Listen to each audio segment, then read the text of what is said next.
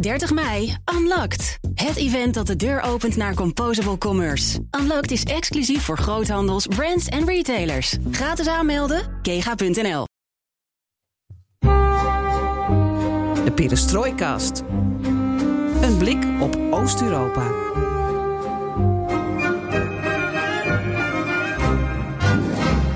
Welkom bij BNR Perestrooikast, aflevering 161 van de enige podcast van Nederland die volledig oog voor het oosten heeft en geeft. En ik ben er ook weer. Drie Koning is al geweest, maar ik doe het toch, mijn waarde Floris.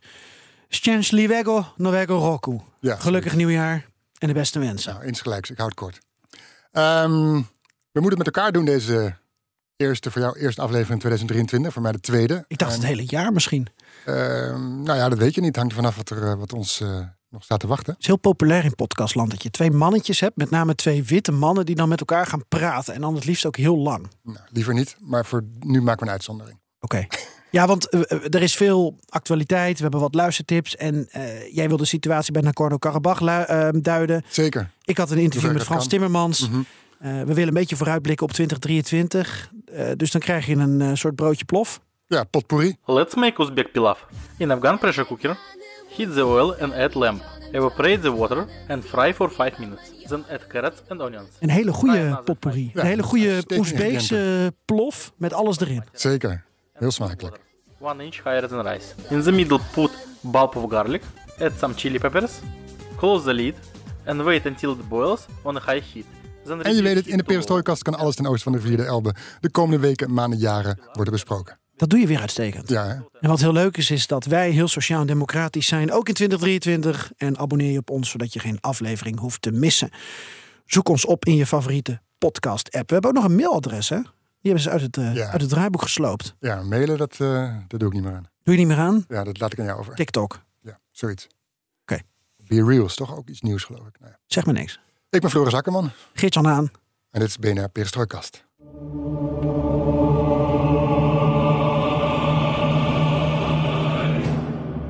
Mijn goede voornemens is meer eh, complimenten geven. Dus eh, mijn complimenten, Floris, voor aflevering 160. Ik vond het echt een eh, prachtig Nou, interview. complimenten voor Dave.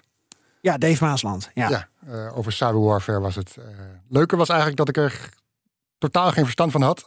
En nu? En dan kun je gewoon alles vragen eigenlijk wat je wil. En geen enkele vraag is, is, is dom, om het zo maar te zeggen. maar het dus was een soort was- het college. Het was een soort college, ja. Maar ja, ik, het is gewoon heerlijk dat je gewoon even van een onderwerp eigenlijk niet zoveel weet. En gewoon alleen maar kan luisteren en vragen kan stellen, hoeft te stellen. En ook spannend af en toe over wat er dan bij kerncentrales Ja. gebeurde. En net wel, net niet op het goede moment ehm, eh, ja, eh, een, een, een gaatje kon worden gedicht. Zeker. Het smaakt naar meer. Dus we hebben Dave eh, nu in het oog. Zeg voor de nieuwe luisteraars van de Perestrooikast. Want er zijn de afgelopen weken er toch weer flink wat bijgekomen. Als je dan een keer over cyber hebt, ja, dan, dan trek je weer nieuwe soorten luisteraars aan. Die leren ons dan kennen. Nou, van harte welkom. We bestaan nu bijna vier jaar. Zijn begonnen met als doel om een hele grote regio te bespreken. die maar mondjesmaat in het nieuws kwam toen, februari 2019. Mhm. Klopt. ehm, Centraal-Europa, Zuidoost-Europa, de Balkan, Rusland, de Caucasus en Centraal-Azië. Ehm, je hebt waarschijnlijk gemerkt als luisteraar dat in 2022 niet elk land, regio, thema aan bod is gekomen. We hadden onze handen vol aan de oorlog in de Oekraïne. Ehm, we zullen afwachten hoe het in 2023 is, maar tips zijn welkom. En eh, ja, we stip- stippen onderwerpen graag zelf ook aan. En dat, dat rijtje ehm, categorieën, eh, mini-continentjes dat je nu noemt, regio in, in onze enorme perestrooikast-regio, dat, dat voldoet eigenlijk natuurlijk ook alweer niet. En dat is ook wel iets waar volgens mij eh, Oekraïne heel erg mee bezig is. Eh, waar hoort Oekraïne nou bij? Hè? Ik bedoel, we hebben Belarus, ja, dat valt niet onder een van die blokken die jij nu noemt. Oekraïne niet. Ja, als je het alleen over Centraal-Europa hebt, wat gebeurt er dan met het arme Estland? Dat, dat zegt dat ze eigenlijk Noord-Europa zijn. Ik, ik was deze week in Den Haag bij een Oekraïne-evenement. En daar merk je ook dat de manier van, van aanduiden enorm leeft. Eh, Oekraïne wil het liefst eh, als Europees land worden genoemd. En dat wordt ook, ook met een enorme hartstocht verkondigd. hè? Zo van, jullie in de EU weten niet hoe graag wij als Europees land willen worden gezien. Hoe graag we bij jullie willen horen. En hoeveel jullie ook aan ons hebben. Wat jullie ook van ons kunnen leren. Maar ja, ik weet niet hoe ik Oekraïne nu moet categoriseren. Is het, is het Centraal-Europa? Is het Oost-Europa? Is het, eh, eh, ja, het is een land aan zich. Dat heb je eerder in een podcast met Ellen Rutte ook eh, besproken. Ik zou het houden op wat Ellen Rutte zei ook. Het is niet in één vakje te stoppen. Maar Dat herken je, herken je die felheid vanuit Oekraïne over jongens, noem ons geen, geen Oost-Europa meer? Ehm, nou, dat is nog niet echt ter sprake gekomen als ik dat. ik moet even iets denken. We hadden het er wel een keer over. Hoe het ook weer zat. En toen had ik er wel gevraagd aan iemand die zei van ja, we, waar kreeg je hele verschillende meningen. Ja, we zijn geen Oost-Europa. De ander zei we zijn wel Oost-Europa. Kijk nou eens om je heen. Het ziet er toch uit als de Sovjet-Unie nog. Eh, dat was al, en dan zit je niet in de grote steden waar iedereen, of niet iedereen, maar waar mensen Engels spreken, waar alles hip is, hipper is in Kiev dan in Amsterdam. Ehm, dus dan krijg je alweer een heel ander beeld van wat Oekraïne nou is. Dus het is niet in één hokje te stoppen. Ehm, ik kan me voorstellen dat mensen ook nu zeggen, ja, we horen bij de EU, omdat het, ja, het- ze willen definitief afrekenen met de geschiedenis en, en zich ontworstelen van dat, eh, die Moskouse armen. Dus dat speelt natuurlijk nu nog eens extra. En de Europese Unie, het is niet alleen volgens mij Europese Unie, maar het is ook gewoon ja, eh, Europese standaarden hebben. Eh einde corruptie, goede gezondheidszorg, goede wegen, eh, vriendelijke, behulpzame politie. Daar is die behoefte ook enorm aan.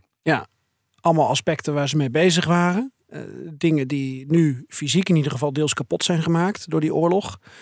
En deels dingen die dus weer, of nou eigenlijk moet alles in het ideaalbeeld, eh, in het postoorlogse Oekraïne tijdens een wederopbouw weer terugkomen. Mhm. Ja, eh, de wederopbouw moet een soort Oekraïne 2.0 worden. Het voelt ook wel een beetje alsof het ehm, ons project is. Hè? Of als wij van Europa, en dat werd ook op het Oekraïne-evenement aangeduid, alsof wij ons zo erbij betrokken voelen. Dat we het ook als ons project zien om Oekraïne op te bouwen. Het, het- terwijl ze in Oekraïne zeggen, ja, jullie doen het ehm, eh, met ons. Ja, dat klopt. We beschouwen geloof ik Oekraïne een beetje als ons kindje, als ons baby die we moeten vertroetelen. Ja, Ehm, enorme gunfactor. Ja, aan de andere kant hoor ik ook wel van Oekraïners. Laat, eh, zorg in ieder geval dat het geld dat deze kant op wordt ges- gestuurd. Zorg in ieder geval dat de G7 of de Wereldbank of de IMF daar, daarover, daarover gaat. En, eh, want als wij het zelf in handen krijgen, niet iedereen, maar bepaalde figuren, ja, dan is het weg. Dus ze willen ook die betrokkenheid van de internationale gemeenschap. Ja, jij bent natuurlijk eh, ook heel erg bezig met het vraagstuk eh, oligarchen. En de de-oligarchisatie van Oekraïne. Ja, ik vraag me heel erg af of dat zo snel kan gaan. Dat je als je met de wederopbouw begint, dat er dan geen oligarchen meer zijn. Want er zijn ook oligarchen die zitten er gewoon op voor te sorteren. Eh, Ja. Ahmedov is gewoon bezig. Die heeft ook verstand, gek genoeg, van, van groene staal. Ja, als je wil verduurzamen in Oekraïne en je wil wederopbouwen, ja, hoe, hoe ga je aan hem voorbij? Ja, dat, dat, dat zou ook heel moeilijk worden. Maar wat je wel kan zien is, oligarchen hebben ook politieke macht. Hebben ook eh, eh, invloed op de rechtspraak. Daar zou je wel wat aan kunnen doen. Dat je rijke zakenmensen hebt. Waar heb je die niet? Ja. Die, die iets goeds willen doen of in ieder geval een steentje willen bijdragen. Nou, ja, prima zou ik zeggen. Maar het verschil zit er natuurlijk in dat deze oligarchen... Van, van, van Ahmedov tot uh, Ja, Kolomoisky. Kolomoisky met Wetschuk eh, eerder pro-Russisch, vertrouweling van Poetin, dat die zich ook bemoeiden met, met de politieke koers van het land en invloed daarin hadden. Dus dat zou je moeten zorgen dat je dat scheidt van elkaar. Aan de ene kant wel. Aan de andere kant vraag ik me af of dat in Oekraïne nog kan. Omdat uh, die oligarchen uh, zoveel emotie oproepen. Uh, de rijkste van het land roepen zoveel emotie op mm -hmm. door het legerover van het land. Wat ja. wij natuurlijk niet uh, in Nederland zo hebben ervaren. Ja, zij willen gewoon heel duidelijk eigenlijk daar gewoon een einde aan maken. Gewoon uh, een rode lijn. Ja, dus niet alleen een einde aan die oorlog. Of die oorlog die ze willen winnen. Maar ze zien het ook als een kans om überhaupt ook met oligarchen af te rekenen. Want die oligarchen stonden natuurlijk een model voor het Oekraïne van voor de oorlog. Ook via die oligarchen had Rusland in Oekraïne vinger in de pap. Dus ook als je daarmee afrekent met hetzelfde systeem waar Rusland uh, ook uh, mee zit. Alleen zijn er daar iets andere oligarchen dan Oekraïne. Uh, daar willen ze ook mee afrekenen met dat oligarchensysteem. Dus ja, twee, twee vliegen in één klap. Is, is, en dit is, dit is het moment omdat je ziet dat die oligarchen momenteel toch ook door de oorlog niet, niet schadevrij door de oorlog komen. Nee, dat is wel zo. Maar als daar toch een deel van de expertise zit of een deel van de regionale macht, dan ben ik toch benieuwd hoe dat uitpakt. En of, of... Zeker, je hebt ook kleinere, je hebt ook kleinere oligarchen, bijvoorbeeld eh, uh, Wielkoel van eh, uh, Krivirig. Dat beschrijft, eh, hij is niet zo'n grote naam, niet zo rijk als, als Achmetov. Maar, zit hij ook in de staal? Nee, maar die zit wel in het politieke bestuur hmm. daar. Dus die heeft ook een vinger in de pap. Je hebt de burgemeester van Odessa. Dat is ook iemand waarvan je denkt van nou, die heeft ook daar zijn eigen machtsbasis. Dus, dus het is nog lang niet gedaan, zeker niet. Nee.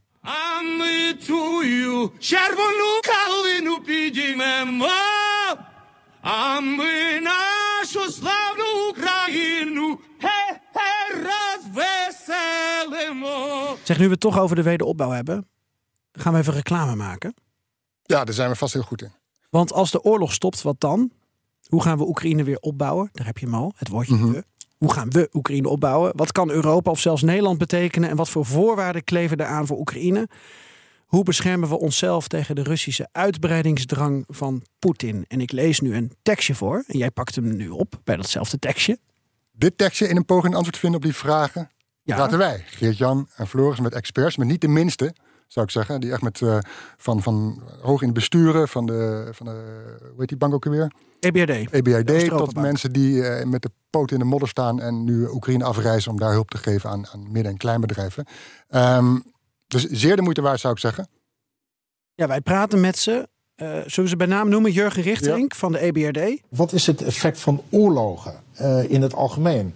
En, en dat mag eigenlijk niet worden onderschat. Niet alleen voor mensen, maar ook voor de economie. Matt Steinglas van The Economist. M- Misschien is het meer het uitwerken van het potentieel die ze al hebben. En Jeroen Ketting, eh, ondernemer, 28 jaar in Rusland gewoond en gewerkt. eh, heeft eigenlijk de hele Oekraïnse oorlog, of Russische oorlog in de Oekraïne, ook, ook grotendeels vanuit Oekraïne meegemaakt. Is daar een goede doelenproject gestart. Ja, ik zie veel mensen met wie we werken in het maatschappelijke middenveld, dus in de burgermaatschappij, die, die vaderlandslievend zijn, die, zich, die, die opofferingsgezind zijn in hun pogingen om, om van het land iets te maken. Wij hebben deze drie experts gesproken en we hebben een vijfdelige serie met ze opgenomen over wat als de oorlog stopt. En dat is te vinden via Listen. Dat is, ehm, ik weet eigenlijk niet zo goed hoe ik het uitleg, maar een soort nieuw podcastbedrijf binnen de FD Media Groep. En je kan als je naar bnr.nl slash perestrooikast gaat, dan kun je die afleveringen vinden. En die zijn reclamevrij voor eenmalige donatie. Oftewel, je moet ervoor betalen. En ja, dat zijn mensen van ons natuurlijk niet gewend. Nee, we zullen zien wat, eh, wie, daar, wie dat ervoor over heeft. Ja. het idee is natuurlijk dat, dat we aan het testen zijn. Dat, zullen we dat dan maar meegeven aan de luisteraar? Aan, eh, we zijn aan het testen of, of mensen bereid zijn, of consumenten bereid zijn om voor buitenlandsjournalistiek te betalen. Ja.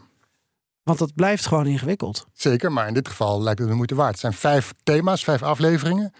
Onder andere ook over, over, over de oligarchen en eh, eh, corruptie. Ja. Maar ook over ja, hoe groen, hoe hip, hoe techno eh, eh, Oekraïne moet worden.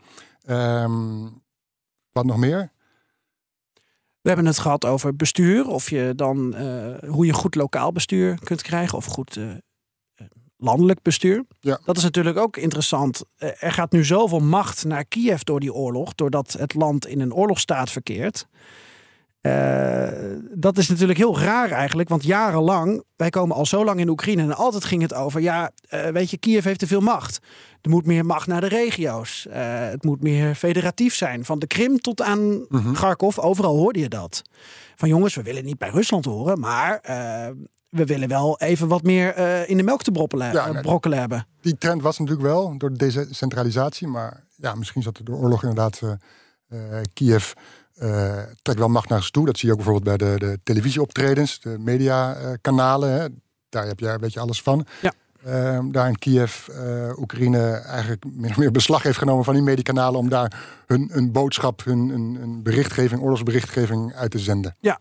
ja, ik weet niet of je kan stellen, dat zeg ik zowel in die serie, dat persvrijheid niet meer bestaat. Maar ik denk wel dat je kunt zeggen, er er is weinig diversiteit aan media op dit moment. Ja. Eh, als je in een oorlog zit, dan is het logisch dat je blijkbaar één geluid laat horen. Eh, kijk, wij waren geen oorlogsverslaggevers. Dit is in onze regio nu gebeurd. Maar voorheen, ja, wij hebben geen ervaring in Irak of Afghanistan of wat soort dingen. Eh, het is wel interessant om, om te volgen. En het gaat inderdaad over eh, vergroening, verduurzaming van Oekraïne. Ja, ook. Zullen we dan een mooi bruggetje maken? Eh, ik voel hem al hangen, aankomen. Ga je gang.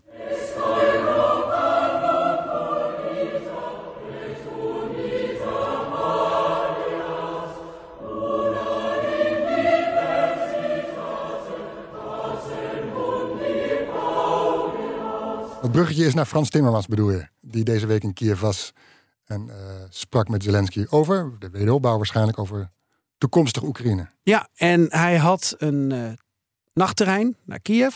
Hij had ook een trein terug van Kiev naar de Poolse grens. En hij heeft eh, Zelensky gesproken, ik geloof zeven of acht verschillende ministers. En nog een aantal uh, burgemeesters uh, die ook bezig zijn met het uh, groene vraagstuk. dorpen waar heel veel kolen op dit moment dan worden gewonnen bijvoorbeeld. Nou, Timmermans gaat over de Green Deal Mhm. namens de Europese Commissie. Hij is vicevoorzitter van de Europese Commissie, maar de Green Deal is zijn paardje. En in dit gesprek van 10 minuten spreek ik hem terwijl hij op Warschau Airport staat. Hij is aan het wachten. Hij komt net terug uit Oekraïne. En we hebben het over zijn bezoek, wat hij heeft gedaan met, met Zelensky. En ik vroeg natuurlijk, ja, hoe was, het, hoe was het onderweg, deze bijzondere mm -hmm. reis? Dus um, ja, als je er klaar voor bent, dan, dan kun je er nu naar luisteren. Start het bandje maar. Tjoeke, tjoeke, tuut, tuut. Nou, ik reis ontzettend graag met de trein. Uh, dus dat is uh, altijd fijn. Maar dit was wel een hele bijzondere reis. En een geblindeerde trein de hele nacht. En toch ook met heel veel veiligheidsmaatregelen eromheen. Uh, je weet meteen dat je, dat je in een land komt waar een oorlog woedt. En we weten dat het Oekraïense leger het momenteel moeilijk heeft. in het oosten van Oekraïne. Toen u president Zelensky zag, vond u hem strijdbaar? Zeer strijdbaar, zeer gemotiveerd. Um, um, en ook, ook uh, denk het niet alleen aan de onmiddellijke uh, uitdaging van de oorlog, maar ook aan de verdere toekomst. Dus ik was erg onder de indruk. Ja. Ik heb nog één vraag over de vorm van uw bezoek voordat uh, we het hebben over het, het groene Oekraïne. Was dit eigenlijk uw mm -hmm. eerste bezoek aan Oekraïne sinds de, de zomer van de ramp met de MH17? En ik moest daaraan denken omdat uh, de stad Soledar nu veel in het nieuws is. En volgens mij uh, heeft Nederland daar toen een, een repatriëringsteam naartoe gestuurd. toen u nog ja. minister van Buitenlandse Zaken was. Dus dat komt voor mijn gevoel ja. allemaal samen. Dat is ook zo. dat is ook zo. En ik, ben, ik ben wel nog terug geweest sindsdien hoor. Maar uh, voor mij um, is er een, een, rechte lijn tussen wat er in uh, 2014 is gebeurd en wat er nu gebeurt. En ik hoop dat we in het Westen allemaal ervan leren dat we toen collectief te slap gereageerd hebben en Poetin te veel het gevoel hebben gegeven dat hij, uh, dat hij nog meer kon uitspoken. En ik hoop dat we die fout nooit meer maken. Dan naar het groene Oekraïne. U komt daar aan in Kiev, u schudt Zelensky de hand, u spreekt heel veel ministers. Maar u brengt geen wapens mee, maar een brochure met de Green Deal. Voelt dat niet een beetje gek? Nou ja, kijk, wij, je, moet, je moet naar je rol kijken. Bij de Europese Commissie hebben wij geen tanks, uh, hebben wij geen wapens om uh, te geven. Wat we in huis hebben is heel veel expertise uh, die nodig is bij een economische omwenteling. die nodig is bij modernisering. Die nodig is om het traject te kunnen volgen om lid te kunnen worden van de Europese Unie. En uh, de Oekraïners uh, op straat, zowel als in de politiek, hebben één hartewens. En dat is uiteindelijk lid worden van de Europese Unie. En daar kunnen wij bij helpen. En als je die stappen nu al zet terwijl die oorlog nog woedt, dan geef je de Oekraïners ook hoop dat ze een kans maken om lid te worden van de Europese Unie. Dan geef je de Oekraïners ook hoop dat ze onderdeel kunnen zijn van een moderne economie, van een duurzame economie. Ze willen het allemaal graag. En, en onze taak bij de Europese Commissie is om uh, ervoor te zorgen dat we ook de, de concrete stappen zetten. Nu al beginnen. Het klinkt gek in de ogen van mensen en in de oren van mensen dat u in Oekraïne, Oekraïne bent om nu te praten over de groene wederopbouw. Nou ja, ze, ze willen zelf natuurlijk allemaal heel graag over de wederopbouw uh, praten. En kijk, we zitten in een, in een tijd van fundamentele transformatie. We zitten met een klimaatcrisis, maar we zitten ook in een industriële revolutie. En de euro's die ze straks moeten investeren om een land weer op te bouwen, die kunnen ze beter investeren in de economie en de samenleving van de toekomst. Want anders investeren ze in het wederopbouwen van iets dat over een aantal jaren opnieuw zal moeten worden opgebouwd. Dus je kan maar beter die stap uh, uh, in de toekomst uh, maken. En gelukkig, Zelensky zegt dat ook in al zijn speeches, wil Oekraïne dat ook. En ik vind het dan ook onze taak uh, om ze daarbij uh, zoveel mogelijk te ondersteunen. Want die oorlog gaat natuurlijk niet alleen over Oekraïne, die gaat over Europa. Dat is een van die grote keerpunten in de Europese geschiedenis. In mijn leven zijn er maar twee. Dat is de val van de muur en, en nu deze. En, en we moeten ervoor zorgen dat wij, dat wij aan de goede kant van de geschiedenis staan hier. Aan de goede kant van de geschiedenis is Oekraïne ondersteunen om vrij te blijven, om deze oorlog uh, winnend af te sluiten en om ook de toekomst met vertrouwen tegemoet te kunnen zien. En daarvoor heb je ook die transformatie nodig. Daarvoor moet je ook naar een duurzame samenleving toe. Heeft president Zelensky nog tegen u gezegd, meneer Timmermans, uh, komende zomer dan kunnen we gaan beginnen met de groene wederopbouw? Dan is het klaar? Nou ja, hij, we, hebben een, we hebben een aantal eh, dingen besproken. Eh, hij is eh, niet naïef. Hij weet eh, dat eh, dit conflict nog een tijd kan duren in allerlei vormen. We weten ook allemaal dat zelfs als het conflict beëindigd zou zijn, we toch een hele problematische relatie met Rusland zullen houden over een hele lange eh, periode. Daar zullen we ons tegen moeten wapenen. En dat bedoel ik letterlijk en figuurlijk. Zowel militair als maatschappelijk. En we hebben gezien in het verleden na de val van de muur dat uh, het traject na toetreding aan de Europese Unie verandert samenlevingen fundamenteel. Ik ben nu in Polen. Je herkent het land niet meer terug. Ik ben hier ook geweest in de jaren tachtig van de vorige eeuw. En, en dit land is zo modern geworden. Heeft zo'n zo'n structurele verandering uh, meegemaakt. En dat heeft alles te maken met het traject naar lidmaatschap van de Europese Unie. Sinds 2004 zijn ze lid en het land gaat alleen maar vooruit. En dat is een perspectief dat de Oekraïners ook graag zouden willen. En ik vind het onze taak om ze daarbij uh, zoveel mogelijk te ondersteunen. Zij vechten ook voor onze vrijheid op dit moment. En kunt u een voorbeeld geven van zo'n groen handvat dat u uh, Oekraïne dan heeft geboden namens de commissie? Nou, wat we zullen zien dat, dat met name in de energiesector uh, zullen we grote veranderingen gaan meemaken. Wij in de Europese Unie willen niet meer afhankelijk zijn van Russische olie en gas. De Oekraïners ook niet. En net als wij hebben zij zelf heel weinig eigen uh, hulpbronnen. Kolen heeft geen toekomst, dat vinden zij ook. Ze hebben wel wat gas, maar niet veel. En ze hebben geen olie.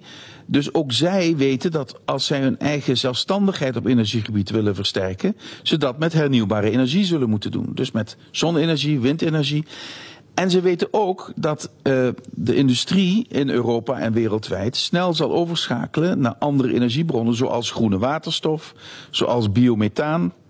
En zij zijn in staat om op grote schaal zowel waterstof als biomethaan te produceren. En daar willen ze met ons over praten. Daar willen ze met ons afspraken over maken. Ik heb ook beloofd dat ik samen met hen uh, de, de, de private sector, de, de industrie die daarin geïnteresseerd is, samen zal brengen om te kijken hoe we dat snel op poten kunnen zetten. We zullen een samenwerkingsovereenkomst op dit punt met Oekraïne sluiten. Hopelijk kan dat gebeuren als de EU-Oekraïne-top plaatsvindt op 3 uh, februari. Zo maak je stappen voorwaarts en zo versterk je ook zeg maar, de weerbaarheid van de Oekraïnse samenleving, zodat ze niet meer afhankelijk zijn uh, van Rusland voor hun energievoorziening.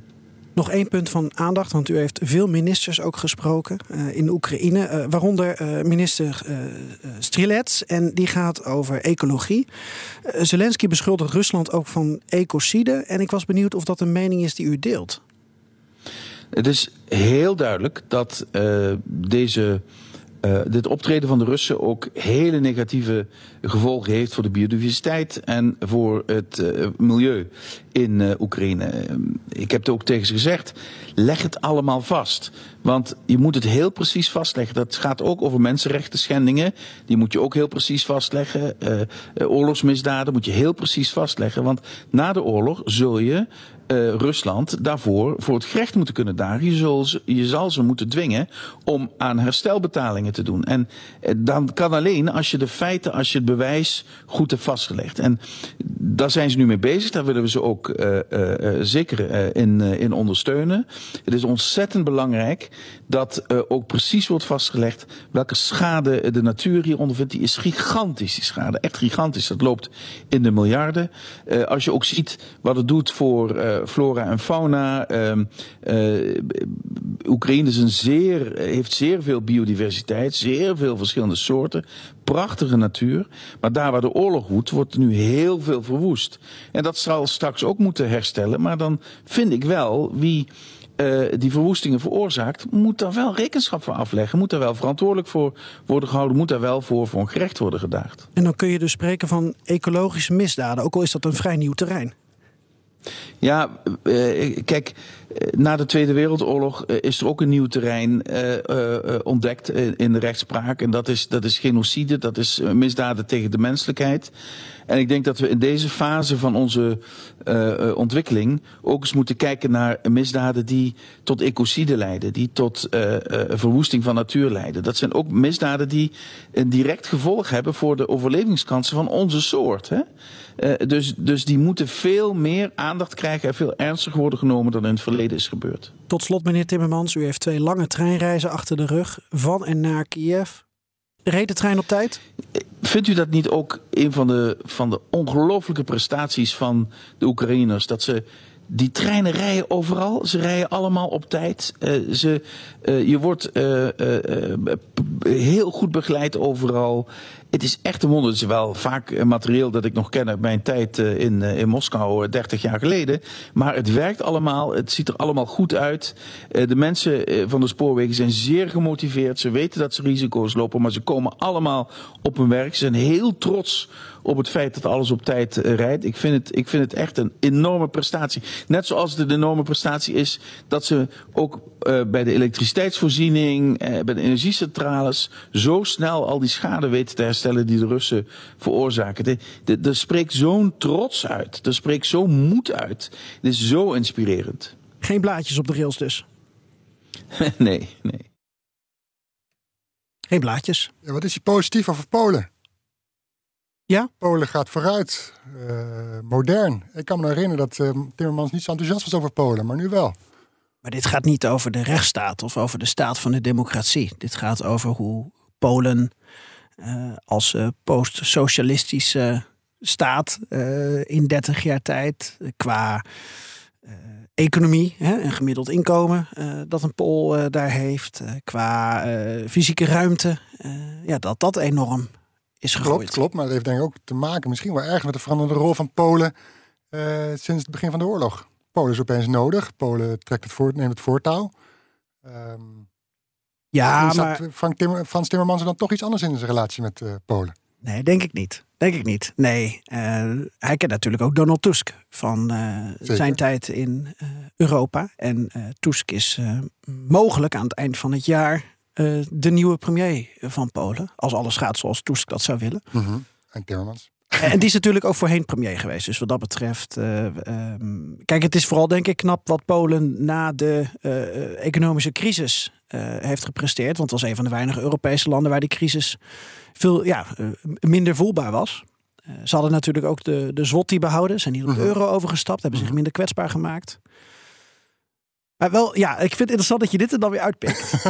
dat was niet mijn gedachte. Nee, maar dat dacht ik wel. nou, omdat het wel, als je die, die onze vijfdelige serie beluistert, uh, nog een keer bnr.nl slash perestrooikast, dan vind je de knop hoe je erbij komt. Mhm. Uh, dan hebben we het natuurlijk met de uh, EBRD, uh, met als bijnaam Oost-Europa-bank, hebben we het ook over Polen als voorbeeld voor Oekraïne. Mhm. En, en hoe ze dat land inderdaad hebben zien veranderen en ook hebben geholpen. Zeker, zeker. De, kan maar, als je veel staatjes ziet, dan zijn Oekraïne en Polen na de val van de Sovjet-Unie ongeveer gelijk qua welvaart, bruto nationaal inkomen, vooral die termen.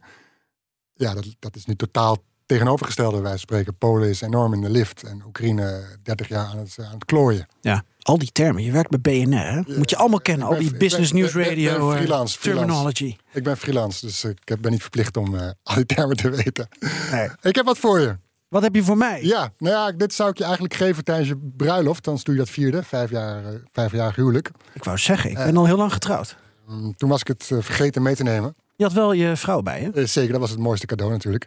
Ehm is niet, overigens niet mijn cadeau, maar ehm, van een uitgever. En toen vroeg ik, goh, ik ga binnenkort naar een feestje van Geert-Jan, dus misschien kun je het leuk inpakken. Oké. Dus nu mag ik hier eh, Ja. Tijdens een opname een cadeautje uitpakken. Nou, prachtig papier van een eh, witte vredesduif. Ga ik eens even kijken wat jij nu weer eh, voor mij hebt.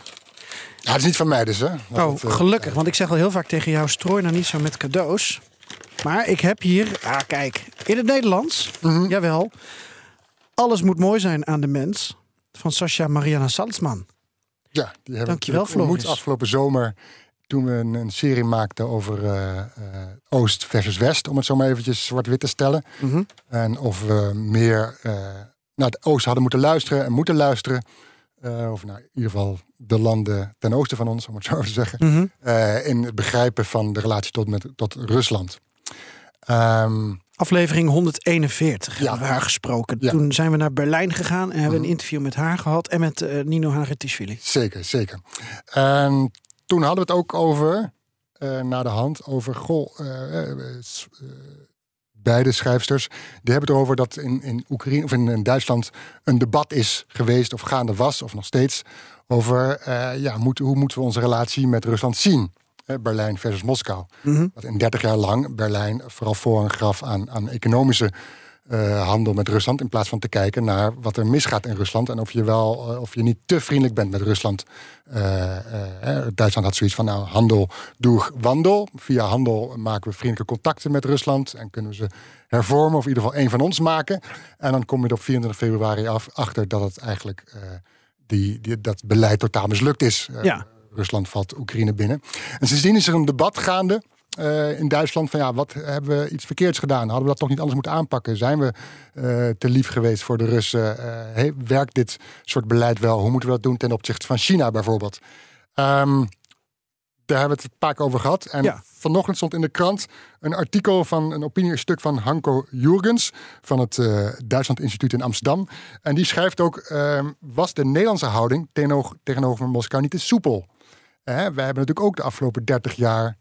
Gingen we graag naar Rusland toe om te praten over gas, over olievelden. Hadden we onze culturele uitwisselingen. ehm, deden we aan, onderwijs. eh, kijken hoe we daar konden samenwerken. Ook misschien niet zo dik, dik bovenop als bij Duitsland, maar wel met de gedachte van.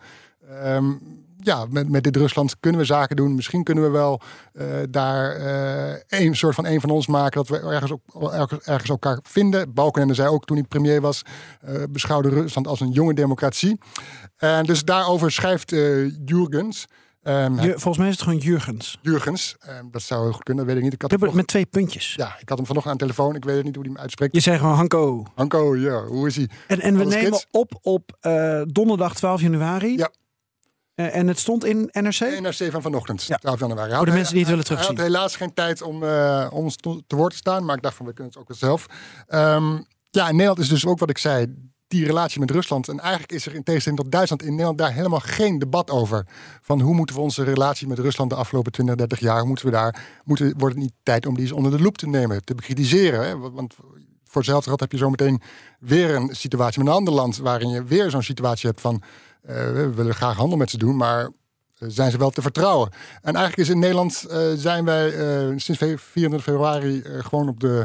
Ja, alleen maar de roer omgegooid gegooid. En zijn we harder op sancties gaan slaan dan ooit eh, tegenover Rusland. En eh, proberen van alles om, om ons achter Oekraïne eh, veld te, te, te steunen. Dat is allemaal begrijpelijk. Mhm. Maar dat debat is nooit gevoerd eh, hoe wij eigenlijk eh, onze Rusland-beleid moeten kijken van de afgelopen 20, 30 jaar. Mag ik daar twee dingen over zeggen? Zeker. Twee gedachten over met jou delen. Eén, toen wij in Berlijn waren, toen... eh, ja, kijk, we, we- jij en ik, 48 uur in Berlijn. eh, dat is hartstikke gezellig, maar we hadden ook even wat ruimte voor onszelf nodig. Dus ik was er een paar uurtjes tussenuit. En toen eh, ben ik nog in een, eh, in een museum beland met, eh, bij Paul Spies. Een Nederlander die daar vijf musea beheert in Berlijn. En die gaf toen in een gesprek aan, toen vroeg ik hem ook naar die Duitse houding ten opzichte van Oekraïne en Rusland. Hij zei van ja, hier in Berlijn is iedereen echt nog van aan het bijkomen. Berlijn is natuurlijk echt wat wij scharen onder Oost versus West. En, en vooral iedereen is zich nu aan het realiseren dat Oekraïne bestaat. Ja. Voor Duitsland heeft Oekraïne in feite nooit bestaan. Is gewoon, je bent in Duitsland en oké, ze weten dat Polen ernaast zit, maar dan ben je toch wel in Rusland. Ja. Nou, dus dat hebben wij denk ik minder. Alleen wat ons natuurlijk verbaasd heeft, en dat is dan punt twee, is dat wij in 2014 door de ramp met de MH17 toch eigenlijk zouden moeten zijn wakker geschud. Sowieso dat Nederland-Rusland jaar in 2013 was eh, het, het, het slechtst eh, eh, publicitaire jaar dat, dat we ooit denk ik met een ander land hebben gehad. Ja, in 2014 heeft denk ik wel eh, geleid, wat Timmermans trouwens ook zegt, tot, tot hoe Rutte eh, nu eh, optreedt. Die is volgens mij de afgelopen jaren wel uiteindelijk dichter bij de Baltische Staten komen te staan. Wilde ook al niet meer met Poetin praten. En ik denk dat voor hem nu alles echt helemaal klaar was en samenkwam. En dat hij daarom vrij makkelijk met een aantal van die sancties mee kon. Mhm. Eh, Behalve inderdaad op, op olie en gas en dat soort dingen, omdat hij dan weer de Nederlandse economie eventueel schade zou, zou toebrengen. Maar daarom is misschien niet echt een, debat geweest. Wij zijn natuurlijk ook ja, wat slaafs misschien daar achteraan gaan lopen. Ja, ik ben het met je eens. Wij staan er wat verder af dan, eh, dan in Duitsland. Hè, waar natuurlijk de, de, de banden met Oost-Europa nauwer zijn. En ook een, echt verleden is geweest met eh Oostpolitiek. Dus Duitsland is daar bewuster mee bezig. Eh, neem niet weg dat je in ieder geval, lijkt mij ook in relatie bijvoorbeeld tot China, daar best wel eens eh, kritisch naar mag kijken. Ehm, eh, hoe we die relaties toch in de toekomst misschien anders moeten invullen. En ik kan me nog wel herinneren dat in 2000, nou, x jaar dat Rutte ook fanatiek achter zo'n zo'n wiel stond om symbolisch Nord Stream 1 Ja. open te draaien. En Ja. gretig staat hij op die foto. Hij kan niet wachten. Eh, dat was geloof ik in 2009, vermoed ik. Natuurlijk was er niet zoveel aan de hand als, als nu. Eh, maar goed, er was wel al wat aan de hand natuurlijk. Er was al eh Abhazie, Georgië, Noord-Ossetië was al gebeurd. Er waren al diverse tegenstanders van Poetin omgelegd. Ja, maar daar hebben we toen ook. ehm, eh, of ik volgens mij heb haar gesproken. En dat hebben we toen in de Perestroikas nog besproken. Met eh, de Oekraïense minister Japarova. Eh, en die was in Nederland en toen sprak ik haar. En, en toen Wanneer was dit? We hebben van de zomer heb ik haar gesproken. Oh, ja, ja. En, en zij vertelde dat zij op een gegeven moment hoorde van de gebeurtenissen in Georgië. Wat was het dan? 2008 denk ik. Ja. En dat zij, haar reactie, en zoals Oekraïense, zelfs Krim-Tataarse, zij zei, ja, ik vond het erg. Maar op dat moment niet meer dan dat. Mhm. Dus ook vanuit Oekraïne was er toen met een zekere distantie gereageerd op wat er in Georgië gebeurde. Ehm, ja, kijk naar eh, Transnistrië. eh, kijk naar andere plekken waar we natuurlijk met afschuw over zouden kunnen spreken. Mhm. Maar ook in Oekraïne. eh, de moraalridder hebben ze niet altijd wat Ja. dat betreft uitgehangen. Dus ik denk dat het gewoon soms. Soms is er een moment, dan komt alles gewoon heel dichtbij ineens. En dat, maar dat heeft ons natuurlijk in retroperspectief met MH17 verbaasd. Over dat we toen niet hak in het zand hebben gezet. Zeker, maar dan zou je dus nu dus moeten zeggen... dan moeten we afstappen van dat... ehm, ja, zolang het ons niet direct raakt... of zolang ze bij ons niet in de, in de achtertuin staan... eh, boeit het allemaal niet of maakt het allemaal niet zoveel uit. Dan, dan zou je daar dus lering van moeten trekken. Ja, waarbij je dan wel weer een discussie gaat hebben over eh, Georgië en, en Oekraïne. Omdat Georgië natuurlijk eh, niet grenst aan de Europese Unie. Oekraïne dan nog wel. Georgië is officieel wel Europa. Maar Oekraïne voelt wel echt als op ons continent. En eh, Georgië, ja, dan moet je eerst door. Ja, maar Door Rusland heen. perspectief tot, tot relatie met landen als Rusland en China. Dat je dan misschien niet meer moet denken van... oh, dat is ver weg of het speelt niet in onze achtertuin. Laat maar zitten. Nou, maar Nee, dat bedoel ik dus hiermee. Dat bedoel ik hiermee. Het, het, het hangt er wel vanaf of het in de regio is. En de regio is Europa. En wat is dan Europa? Zeker. Dus als jij over China begint, zelfs Rusland is al ja, de, de vraag: wat is het? Ik vind het wel interessant. ehm, eh, Zweden is nu voorzitter van de Europese Unie. En dit half jaar staat de eh, Rusland-relatie tot de Europese Unie staat ook echt op de agenda. Mhm. Dus ze gaan kijken of, nou, wat we in Nederland kenden als de Ruslandbrief, die tegenwoordig ontzettend gedateerd is natuurlijk. Ja. Ze gaan kijken of er toch een soort Europese strategie kan ontstaan over hoe we omgaan met, Mhm. eh, met Rusland. Dat is wel iets om te blijven volgen. Ja, zeker interessant. Jij noemde trouwens, eh, wat mij betreft sluiten we het ermee af. Eh, als je het wil lezen, het eh, opinieartikel van Hans Hanko Hanko, mocht je zeggen? Jurgens. Hanko, was de Nederlandse houding tegenover Moskou niet te soepel?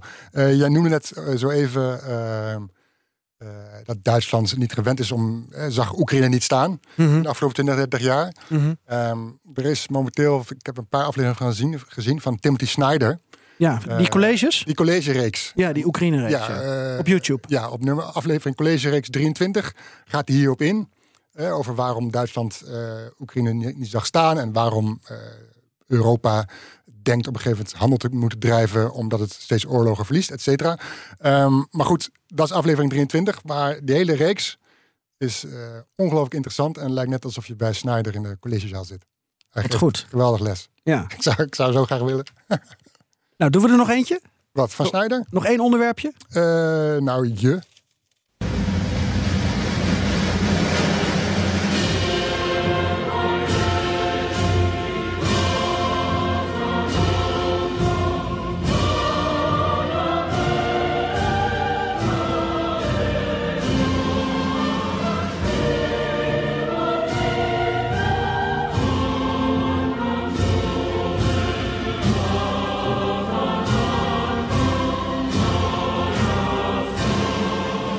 Ik dacht dat het een korte uitzending zou worden. Omdat wij met z'n tweeën een beetje in deze perestrooikast, eh perestrooikast potpourri plof uitzending misschien na twintig minuutjes wel klaar waren. Maar je hebt nog een, eh een lap tekst hier staan. Ja, maar dat kunnen we wel improviseren hoor. Ken je dat? Oké, wat hoorden we net? Ik vind het zelf ook te lang. Ehm, zo even was het volkslied van Armenië.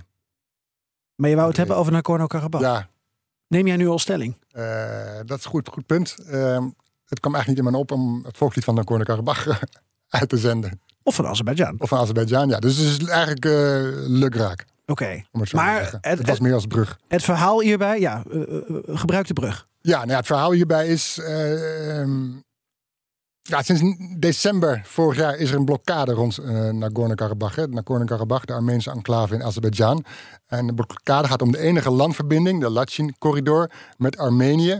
Voor de etnische Armeniërs in Nagorno-Karabakh. Eh, voor hen van belang om, om, om die kant op te reizen. Ook voor humanitaire goederen, voor, voor producten, medicijnen, allemaal- noem het allemaal op. Om die verbinding met Armenië te hebben.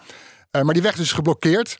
En dat zijn demonstranten gelieerd aan, de ja, Azerbeidzjaanse overheid gelieerde milieuorganisaties. En die demonstranten stellen dat ja, ze willen hiermee de aandacht vestigen op wat volgens Azerbeidzjan illegale mijnbouw is in Karabach.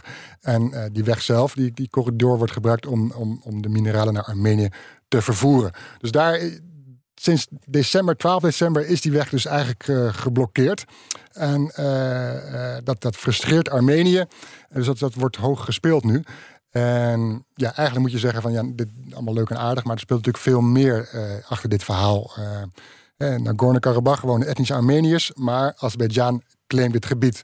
Even terug naar de geschiedenis. 91, Mhm. de val van de Sovjet-Unie en de daaropvolgende Armeense Azerbeidzjaanse onafhankelijkheid. Eh, toen verklaarden de inwoners van Nagorno-Karabakh, eh, door de Armeniërs Artsakh genoemd, zich onafhankelijk. En Nagorno-Karabakh wordt wel tegelijkertijd als internationaal onderdeel van Azerbeidzjan beschouwd. Azerbeidzjan claimt dus dit, dus dit gebied, eh, beschouwt het als zijn grondgebied. Eh, sindsdien wordt er gevochten, zo nu en dan, sinds 91. Het veilst, Geert-Jan, dat, dat weet je ook wel, want ehm, nou, dat had ik niet met jou over, maar met iemand anders eh, in Maar toch weet ik het. 2020. Ik denk het, nou, dat was, was weer zo'n moment, 2020, dat er weer een oorlog was tussen eh Armenië en Azerbeidzjan over Nagorno-Karabakh. Mhm. Maar dat iedereen zoiets van, dat zal wel een paar dagen duren en dan gaan ze weer praten en dan is het klaar. Maar nee, deze oorlog duurde 44 dagen, eh kostte aan 6000 mensen het leven en eindigde met een staakt het vuur op eh, 10 november. Ik vind het wel heel grappig, maar dit is een hele flauw woordschap tussendoor dat jij nu zegt, dan is het klaar. Ik zat net een artikel te lezen over hoe het nou zat met die eh, EU-missie bij Lachin. Mhm. Weet je nog dat ik in Praag was voor die eh, Europese top in oktober? Ja. Toen Oh ja, zaten, toen, ja. toen zaten Ja, ja, Pashinyan, Aliyev, Erdogan en Macron, die zaten ineens bij Dat elkaar. vrij eh, historisch. Ja, Mhm. en, en toen zou er een EU-missie komen om dat gebied rond Lachin en die grenzen, andere grenzenposten waar het ook misgaat, om dat te monitoren. Ja. Ehm, Daar kom ik zo nog een beetje op terug. Maar ja, maar de, de, de, de speciale vertegenwoordiger namens de EU in de Zuidelijke Caucasus, dat is meneer Toivo Klaar. Mm. Nou ja, zeg, Geert-Jan Ja. is altijd van de woordgrappen. Hè? Blijkbaar een populaire eh, Estische naam. Denk ik. Helemaal in zijn nopjes hier. Zij Estisch? Ja, dat denk ik. Ehm, Sorry, ga door. Goed, dus er is nu van alles om te doen. eh, rond, nog niet klaar. Rond, rond die Nagorno-Karabakh. Het is nog niet klaar, die blokkade ook niet. In ieder geval de Armeense premier Pashinyan zei dat het blo- blokkeren van, van die corridor een provocatie is met twee doelen. A, om de wil van de Armeniërs van Nagorno-Karabakh te breken. Eh, en om twee, om ja, eh, misschien Armenië te betrekken bij een nog grotere provocatie, oorlog, wellicht eh, uitmun- uitmondend. Oké. Wil je nog iets vertellen over Rusland en Turkije in het kort? Ja, dat kunnen we ook nog even doen. hun betrokkenheid. Want we moeten ook zo naar de mop van Joost. ja, ja. Oh, heeft hij een mop? Jazeker. Oh, geweldig. Ja, Ja, dan moet nou, wel heel snel zijn. Doe het even kort. Ehm, ja, sinds de oorlog heeft Rusland daar vredestoepen gestationeerd in, in die regio, in het gebied. Klaar. Ehm, ja, punt. Nee, sorry, ga door. En, en eh, Rusland beschouwt de Caucasus als zijn eigen achtertuin en wilde graag de dienst uitmaken. Ehm, maar die Russische vredestroepen, die ik was daar in 2021, of eh, ja, 2021. Toen ik daar met Armeniërs over sprak, ze hebben echt nul vertrouwen dat die Russische vredestroepen het voor Armeniërs, etnische Armeniërs daar opnemen. En dat is ook de kritiek die je nu hoort van Pashinyan eh, op die Russische vredemacht in uh, omdat die er niet in, slaagt om, om die blokkade te, te beëindigen.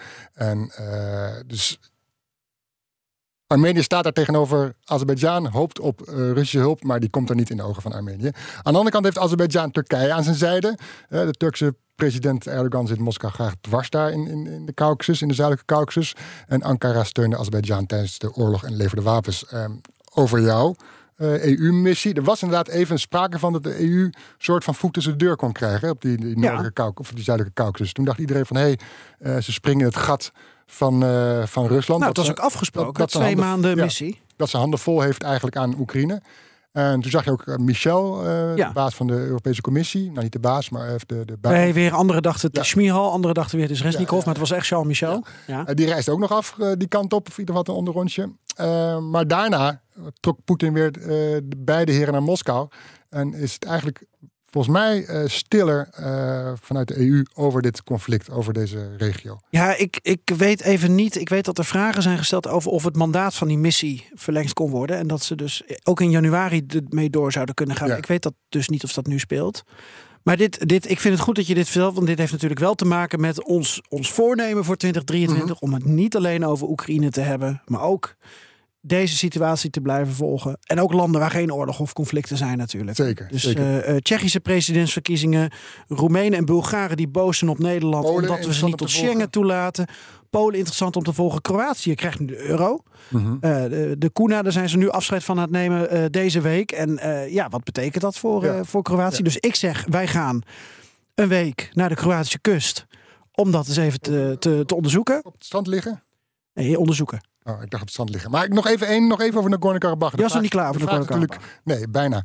De vraag is natuurlijk, wordt het weer oorlog? Ja, dat weten De we vraag niet. is, De vraag is, Geert-Jan, wordt het weer oorlog? wordt het oorlog? Eigenlijk is het niet grappig, maar Moet je stem omhoog oké. houden. Ehm, En? ja, ik sluit het niet uit. het is, ja, sinds, sinds 24 februari. Ze hebben natuurlijk al vaker met elkaar gevochten. Eh Azerbeidzjan voelt zich sterk. Aliyev voelt zich een overwinnaar sinds hij in 2020 eh, Armenië eh, heeft verslagen en stukken van Nagorno-Karabakh eh, in, Ar- in Azerbeidzjaanse handen wist te krijgen. Dus, Ja. Ehm, Aliyev zegt zelf van niet.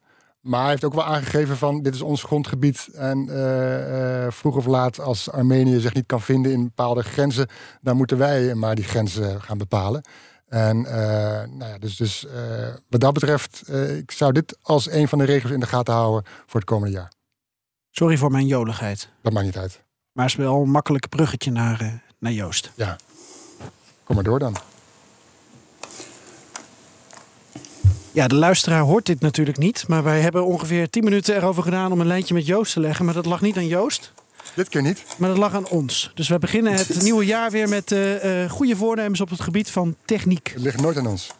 Dat weet je toch, Geert-Jan? Hallo Joost. Zoek een goede technicus uit. Hi. Het is altijd de ander. Ja, ja, jullie lijken wel Russen. Maar goed.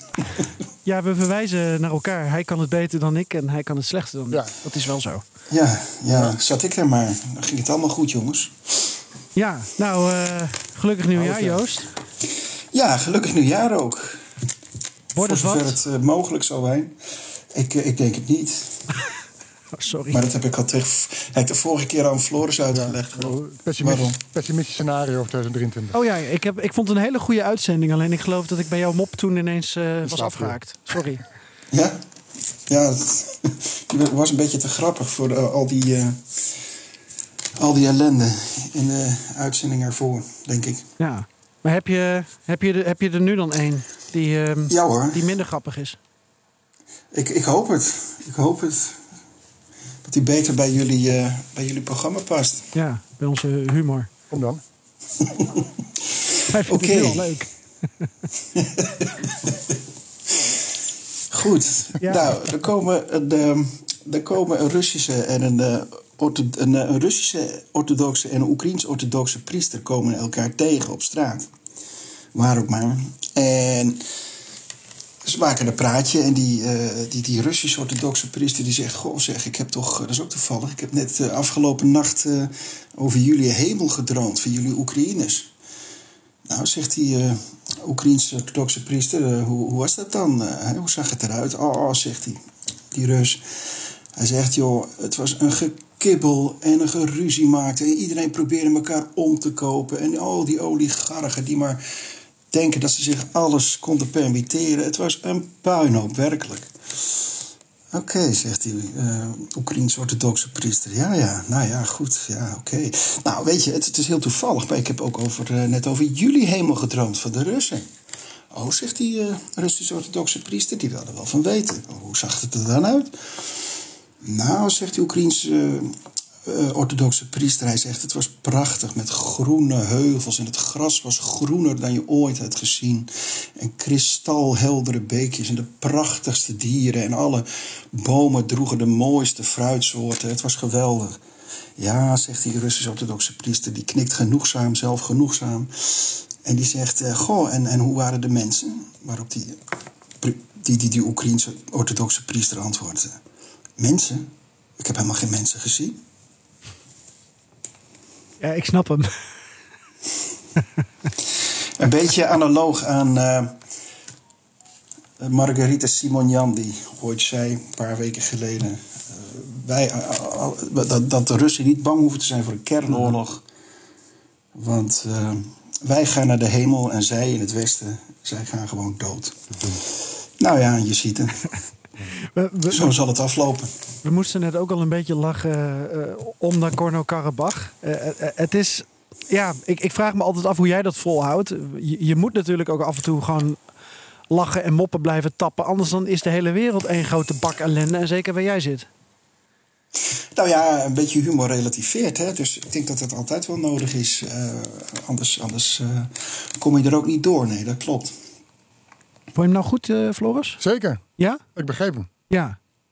Maar ik, zat, ik zit Lekker zo... actueel ook. Oligarchen, religie. Ja, maar ik, ik zit dan zo te focussen op of ik die mop begrijp. Dat als hij op een gegeven moment tot de climax komt.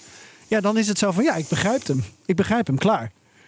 Dus dan is het kwartje Oké. gevallen, maar dan is er geen humor meer eigenlijk. Ja, sorry, dat is niet meer zo spontaan. dat is de volgende stap die je moet maken dan. Ja, ik moet op cursus. Ja. Ja. Maar bedankt Joost. lachen om moppen. Ja, oké. Heb jij nog een leuk, eh, leuk tripje in het vooruitzicht eh, de komende weken? Nog ergens buiten Moskou? Eh, nou, voorlopig niet. Misschien nog naar Petersburg. Maar dat, eh, dat, daar ben ik nog mee bezig. Oké. Hou eens op de hoogte. Oké Ja, man. Zet hem op daar. goed. Ja, dank je. Jullie ook. Je toe. Oké. Oh, we hebben de muziek Doei, er ook, ook voor staan. Oh nee, dat doen we nog een keer, Joost. Wacht, moet even volgens, eh, volgens het boekje. Dan moet je eerst weer 20 seconden deze muziek blijven beluisteren.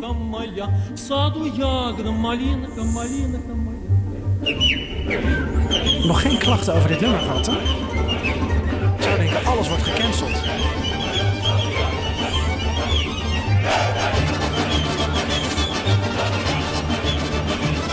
Misschien moeten we hetzelfde maar cancelen. Gaan we over nadenken. Ja, Paka. Ayato. Dan moet Joost zeggen toedeloe. Yo, zeg eens wat. Oh, toedeloe. Ben je in slaap gevallen of zo? ik vond dit grappiger dan de mop. Ik ook, ja. Dag. Hoi, dank je. Ik zal er nog eens even vertellen. Hoi, hoi. 30 mei, Unlocked. Het event dat de deur opent naar Composable Commerce. Unlocked is exclusief voor groothandels, brands en retailers. Gratis aanmelden, kega.nl.